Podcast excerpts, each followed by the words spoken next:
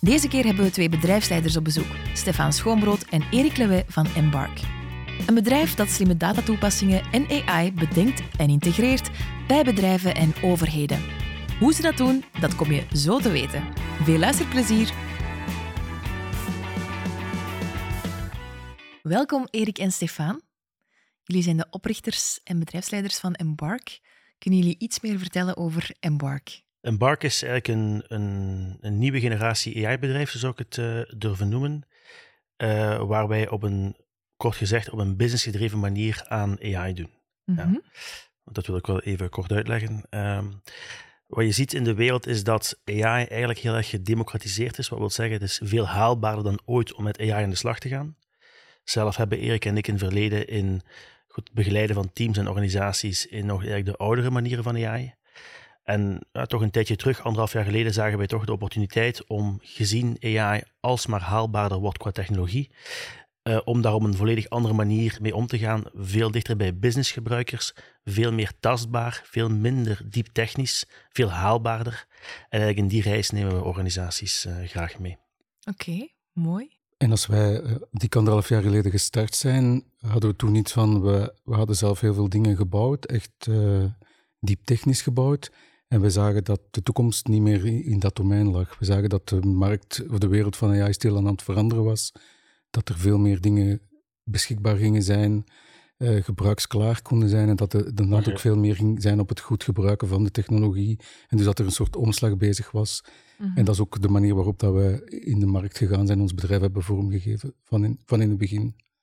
Ja, in vorige projecten hebben we zelf nog heel veel dingen ja. gebouwd die nu gewoon beschikbaar zijn in een cloud-oplossing of in andere oplossingen die je nu kunt gebruiken uh, en die je ook veel sneller doen vooruitgaan. Oké, okay. dus jullie kennen elkaar al voor Embark. Ja. Hoe kennen jullie elkaar precies? Wel, ik uh, was uh, data scientist bij CGK en nadien consultant bij Deloitte. Enfin, in alle geval, um, VDAB en Erik uh, was eigenlijk mijn, mijn allereerste klant uh, waar ik voor werkte. Ja. Okay. En we hebben daar samen, denk ik, een heel hecht team kunnen vormen. En ik denk de organisatie echt op weg kunnen zetten uh, met impact in AI. En dat was mm -hmm. toch wel een fantastische periode. We hadden daar ook uiteraard alle mogelijkheden om dat te doen. Hè. Dus dat was superleuk. Maar ik denk dat we met z'n allen zeer goed hebben samengewerkt. En daar is die klik ontstaan en, die is ook nooit meer weggegaan. Ja. Dus ik kom zelf uit, uit VDAB, waar ik heel mijn carrière in de datawereld heb gewerkt. Werkt, meer in de klassieke data warehousing. Maar op een bepaald moment werd data, big data, heel populair. En zijn we ons meer gaan richten naar innovatie met data. En dus ik spreek al van meer dan tien jaar geleden begonnen we de eerste innovatieprojecten te doen rond predictief modellen, rond het voorspellen van bepaalde gebeurtenissen, etc. Het eerste project waar wij aan gewerkt hebben, was echt het idee van kunnen we werkloosheid van een persoon gaan voorspellen, hoe lang iemand gaat werkzoekend blijven, of wat is de kans dat hij werk gaat vinden. Een project waar we eerst, ja, ik kan niet zeggen wat weerstand rond ondervonden, maar mensen dachten, oké, dat, dat is iets wat je niet kan, wat je met data niet kan bereiken. Maar ja, goed, we hebben het toch doorgezet. We hebben van een project wat initieel zes weken was, ik denk dat daar uiteindelijk twee jaar aan gewerkt is. Uh, om toch zo de eerste modellen te bouwen en die eerste voorspellingen rond de uh, duur van werkloosheid of, uh, te doen. Ja. En dat succesvol afgerond ook? Het is in gebruik, absoluut. Ja. Okay. Dus het, en het leuke van de zaak is, hè, het was niet zomaar een, een algoritme dat we ontwikkeld hadden, maar het is ook geëmbed geweest, dus ingepast in wat zij noemden de nieuwe contactstrategie. Dus het was echt ook met een blik op, en zoals we dat nu ook vaak, graag uitdragen, met een blik op, op de businessrealiteit, op de businessprocessen. Dus het was eigenlijk een andere manier van werken die ontstond binnen VDAB. En wij hebben eigenlijk met het algoritme uh, dat de kans op werk voorspelde, dat eigenlijk fundamenteel ingepast in die manier van werking. Eigenlijk om die manier van werken ook mogelijk te maken. Dus mm -hmm. het was echt een, een, een businessgedreven innovatie. Dus dat, is, uh, dat was een mooie voorloper op wat dan die nog zou volgen. Ja. Ja, de prelude van Embark in, uh, in, op een manier. Op een manier, ja. En jullie zijn ook geen vreemde van Sandbox Vlaanderen. Onverwacht Innovatief is een podcast van Sandbox Vlaanderen. Vertel eens, wat is jullie geschiedenis met uh, Sandbox Vlaanderen? We weten dat Sandbox eigenlijk zich echt inzet om, om jonge startende bedrijven uh, te laten connecteren met, uh, met de Vlaamse overheid. En dus ja, goed, 1 en 1 is 2 en we zaten al redelijk snel rond de tafel. En het heeft ons ook de mogelijkheid gegeven om, om de nieuwe zaken, de nieuwe ideeën waar we mee zaten, om dat ook rechtstreeks uh, uit te oefenen bij wat toch ook een van onze favoriete klanten is, dat mag ik wel zeggen, bij de overheid. Hè. Dus we mm -hmm. hebben Erik komt uit de sector, ik heb er altijd graag voor gewerkt. We hebben daar absoluut een boontje voor. En dus via Sandbox hadden we de mogelijkheid om, goed, om, onze, om onze frisse ideeën eens rechtstreeks te gaan toepassen bij, um, bij Vlaio, was dat, ja. En kan je iets meer vertellen over dat experiment dat jullie toen hebben gedaan? Wel, we hebben toen we zijn eigenlijk toen vertrokken van werk wat al gebeurd was in de sand, ik denk in de sandbox toen. Er was al een, uh, ja, een design traject gebeurd, er was al een uh, ja, prototype gebouwd, clickable. En daarop zijn we vertrokken om dan te gaan kijken hoe kunnen we met werk dat al gebeurd is, daar, daar een stukje ja, een predictief model gaan bouwen en kunnen gaan bepaalde voorspellingen gaan insteken, met de data aan de slag gaan, mm -hmm. om, om snel tot een resultaat te komen. Mhm. Voor ons was het interessant omdat ook wij heel hard geloven in die design aanpak. Het wordt heel duidelijk voor business wat dat er gebeurt. Mhm. En op basis daarvan kan je heel snel tot een eerste prototype komen, tot een eerste resultaat komen. Mhm. Maar het was ook voor ons hè, een van de eerste projecten die we echt gedaan hebben als project vanuit Embark zelf. Okay. dus dat gaf ons ook de kans, want toen waren we ja, in principe denk ik nog sowieso met drie of vier mensen, dus een echt heel jong opstartbedrijf. Uh, het gaf ook onze kans om een van de eerste projecten te doen en echt als een project op te zetten voor onszelf. Ja. Waar ook wij wat, wat, geleerd hebben naar ja, oplevering, naar kwaliteit, mhm. naar hoe pak je dat aan, uh, hoe organiseert je jezelf daarop, et cetera. Mhm. Dus. Kunnen jullie een voorbeeld geven van hoe generatieve AI een bedrijf of een overheid helpt om meer customer-centric, user-centric te werken? Wel, ik zou kunnen zeggen dat maar neem me niet op de uitspraak, maar ik ga nu maar iets zeggen. Uh, eh, 50% van de overheidsmedewerkers zijn, zijn dossiermedewerkers. Ja? Ik weet niet of het 50 of 30 of 70 zijn, maar heel veel mensen zijn uh, dossiermedewerkers. Wat doet een dossiermedewerker? Ja, die beantwoordt een vraag van een klant of, of van een bedrijf. En om die vraag te beantwoorden, gaat hij of zij op bepaalde websites, intranet, SharePoints, wat dan ook, eh, informatie gaan opzoeken, met die informatie gaan redeneren en vervolgens uh, een antwoord vormen naar de burger. En dat kunnen behoorlijk complexe vragen zijn hè, die je als uh, dossiermedewerker voor de kiezen krijgt. Uh, en toch moet je daarmee om kunnen gaan. En we zien ook dat die werkdruk van, deze, van zulke mensen enorm groot is. Hè. De wereld wordt alsmaar complexer, er is almaar meer data beschikbaar, almaar meer regels hè, in ons, ons mooie België en Vlaanderen. Het is echt niet evident voor deze mensen om, om daar allemaal on top van te blijven. Hè. Wat wij nu doen is is eigenlijk samen met uh, zulke medewerkers en zulke afdelingen gaan kijken naar hun businessproces. Hoe loopt dat vandaag? Wat doen jullie als er een vraag binnenkomt? Hoe gaan jullie daar uh, mee aan de slag? Waar zoeken jullie die informatie? Hoe gaan jullie dat omvormen naar een antwoord? Enzovoort en zo verder. En dan gaan we zien, oké, hoe kunnen we nu generatieve AI gaan inpluggen in dat proces? En dan komt die echte kracht van generatieve AI naar boven. Want overal waar mensen vandaag bezig zijn met informatie opzoeken, informatie verwerken, uh, naar een soort besluit komen en dan vervolgens met dat besluit opnieuw ergens anders informatie ingeven, een mail schrijven, een, een, een proces dringen, enzovoort en zo verder. Het maakt al niet uit. Al die processen, daar kun je vandaag generatieve AI inzetten om dat te gaan versnellen om het werk te laten doen door generatieve AI, waarbij je als medewerker de co-piloot bent die eigenlijk dat proces overschouwt en meer valideert. Ik geef een praktisch voorbeeld. Vandaag zijn we aan de slag bij Flanders Investment and Trades. Die krijgen per jaar zo'n 10.000 tot 20.000 exportvragen uh, binnen.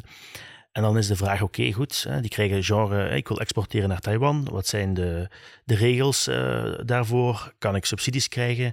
Kan je mij in contact brengen met andere bedrijven die ook uh, daarnaar exporteren als ervaringsdeskundigen? En wat we nu gaan doen is, is met GPT die vraag, als die binnenkomt, daarop gaan redeneren en vervolgens GPT een aantal tools geven waarmee het, zal ik het noemen, hè, die informatie kan gaan opzoeken en een eerste versie van antwoord kan voorstellen. En het is dan aan de uh, dossiermedewerker hè, om dat antwoord te reviewen, aan te passen en zijn eigen creativiteit daar terug in te leggen en dan vervolgens te verzenden. Maar het is natuurlijk een fenomenale tijdswinst voor die mensen als dat één keer op punt staat. Ik zeg natuurlijk als dat één keer op punt staat, want het is natuurlijk niet zo eenvoudig. Hè. Je kunt wel snel GPT deployen en dat, staat daar intussen en ik kan bepaalde informatie opzoeken, maar we zijn er nog niet in alle eerlijkheid. Het gaat nog wel even duren eer het systeem, eer we het daar helemaal hebben gefine-tuned. Um, een, een, ander voorbeeld is uh, vandaag bij de RSZ. Uh, um, ja, de RSZ heeft heel veel regeltjes uh, rond hoe bedrijven zich moeten gedragen, uh, rond, ja, rond, rond werknemers enzovoorts. Um, het is heel moeilijk voor medewerkers om op de hoogte te blijven van alle regelgeving. En dat zit ook niet alleen maar bij één instelling, ze moeten samenwerken met andere instellingen enzovoorts. Dus hoe gaan medewerkers die informatie kunnen beheren? Ja, GPT kan voor hen die informatie gaan beheren. Zij kunnen slim gaan zoeken naar informatie. GPT kan geüpdate blijven als er ergens regels veranderen op bepaalde websites enzovoort, zodat ze eigenlijk een heel slim kennismanagement systeem kunnen ontwikkelen. En dus op die manier meer tijd maken voor de medewerker om aan de slag te gaan met zijn, ja, met, met zijn cases, met zijn vragen, in plaats van tijd te verliezen aan het zoeken naar allerlei soorten informatie. Uh, dus we gaan eigenlijk een stukje meer tijd teruggeven aan de medewerker, een beetje meer fun in het werk teruggeven en heel wat informatie, zware informatieverwerkende taken uh, een stukje gaan delegeren hè, uh, naar, een, naar een, een assistent, een, een, robot die dat voor u doet, die niets automatisch doet, alles altijd ter validatie van, wordt ter validatie aan de medewerker voorgelegd, maar dat is wel natuurlijk een fenomenale uh, verandering en tijdswinst die je gaat kunnen bekomen. Ja. Ik zou misschien nog mijn derde voorbeeld willen aanvullen, waar, dat we, waar dat we zeker uh, GPT of de mogelijkheden heel snel nog en sterk zien groeien, is in de richting van de contactcenters of de first, uh, first line support richting klanten, omdat je daar op, eh, klanten zijn heel dikwijls op zoek naar informatie. Um, de websites nu laat, maken zodat je toch nog heel veel zelf moet zoeken, dat je de juiste dingen moet zoeken. Dus daar gaat GPT zeker ongetwijfeld in helpen om dat veel gemakkelijker te maken, om op een ja, natuurlijke manier uw vragen te gaan stellen en te interageren. Maar het zal zeker ook een stap verder gaan. Het is niet meer gewoon een vraag stellen, informatie terugkrijgen. Maar het gaat meer in de richting van actionable AI, wat wij noemen. Waarbij je echt gaat kunnen vragen: doe dit of dit voor mij. Je gaat niet, ik wil niet de informatie hebben van een bepaald inbeeldformulier in registratie of hetzelfde. Je gaat gewoon vragen: oké, registreer mij voor daar. En GPT of AI achterliggend gaat een aantal processen triggeren en, uh, in gang zetten en gaat in natuurlijke taal met je communiceren en door een bepaald proces heen helpen. En dat is absoluut, ik denk dat de meeste bedrijven die, die grote callcenters hebben, contactcenters, first line support hebben, zich daar nu al uh, hun hoofd over buigen, hoe ze die technologie moeten gebruiken en hoe ze die langzaam gaan moeten inschakelen. En als ze het nog niet doen, dan zou ik hen daar wel toe oproepen, want dit is echt the way to go. Je vertelt over het voorbije anderhalf jaar en er is, er is enorm veel gebeurd, zo lijkt het wel. Het gaat wel heel snel, hè? Um, er gebeurt heel veel. Hoe kijken jullie daarnaar? Ja, het gaat heel snel. Het is moeilijk voor ons om het allemaal te blijven volgen en, en enerzijds te groeien in ons bedrijf zelf, vorm te geven en dan ook op het gelijke moment de technologie te blijven volgen, de juiste keuzes nemen naar waar zetten we op in, wij zetten we op in zodanig dat de markt ons zelf niet inhaalt. Dus wat zijn de juiste keuzes die we maken? Dat is superbelangrijk voor ons. Um, en ja, dat is, dat denk ik de grootste uitdaging die we op dit moment hebben. Wel, welke juiste keuzes maken, welke mensen betrekken.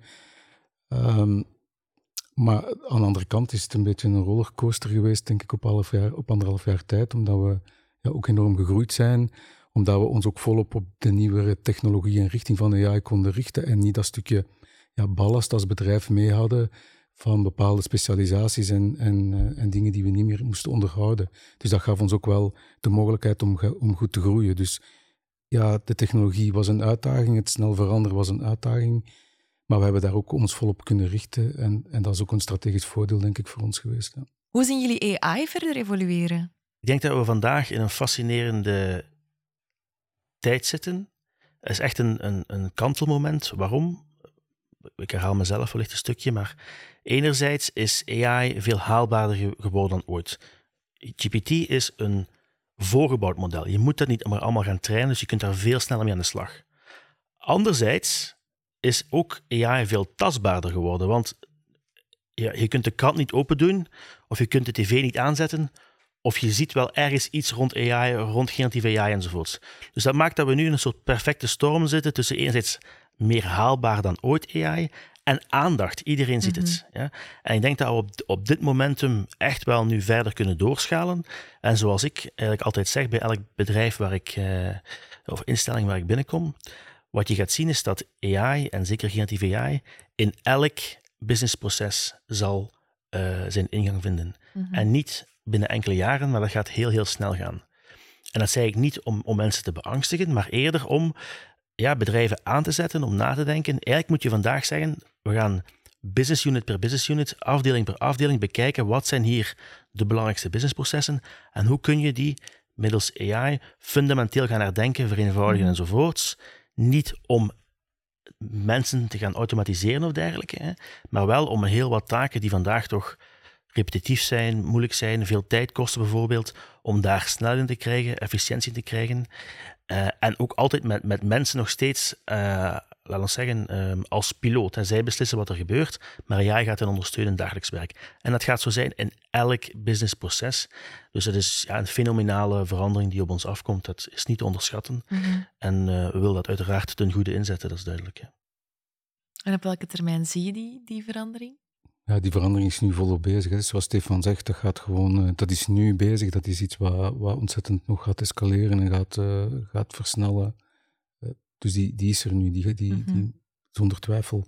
Dat ga je nog zou, over de komende maanden en, en, jaren zien. Het gaat echt niet nog vijf of tien jaar duren, het gaat veel sneller gaan. Wat ik nog zou willen aanvullen is, is dat je ziet sowieso dat heel die technologie nog veel meer overal gaat ingebouwd worden. Hè. Elke applicatie, elke, alles wat we gebruiken, gaat die gewoon out of the box onder de motorkap bevatten. Je gaat het misschien dikwijls niet meer zien, mhm. maar die gaat er ook in, zien, in zitten.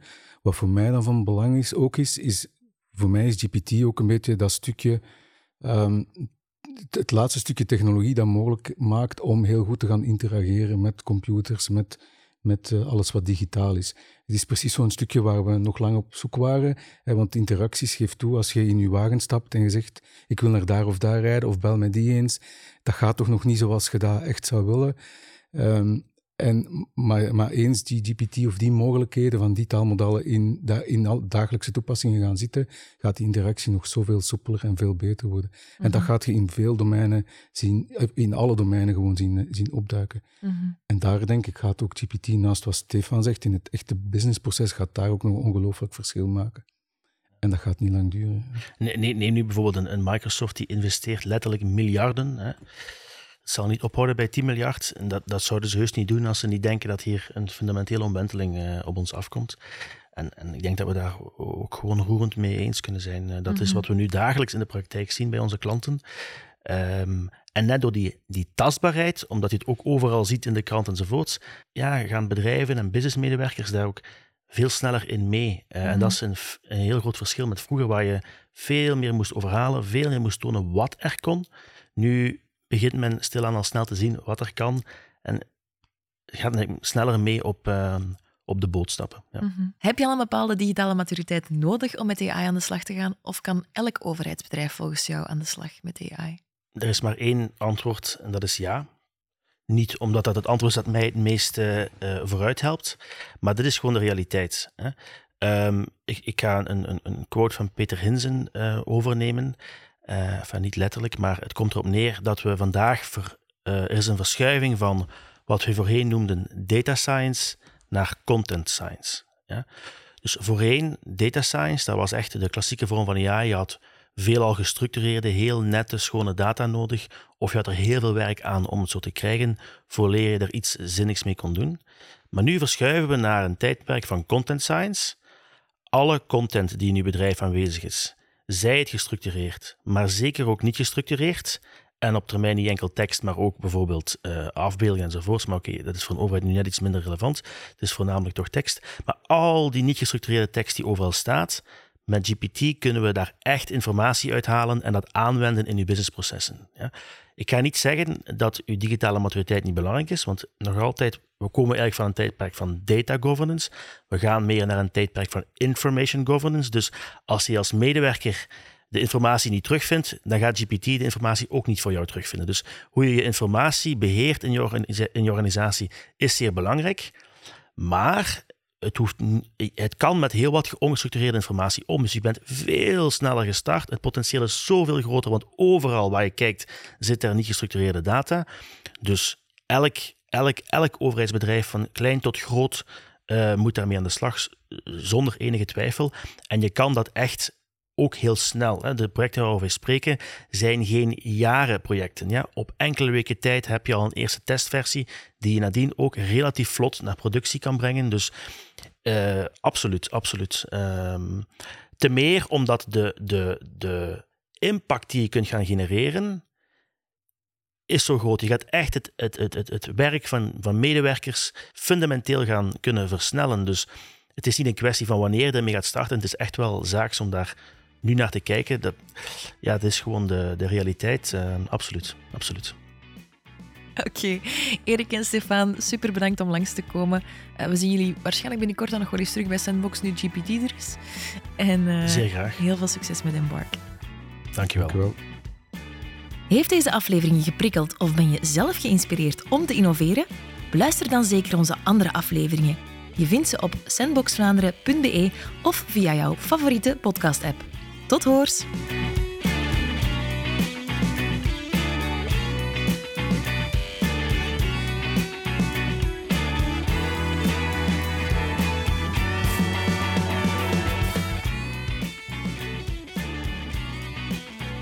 Dit was een podcast van de Vlaamse overheid.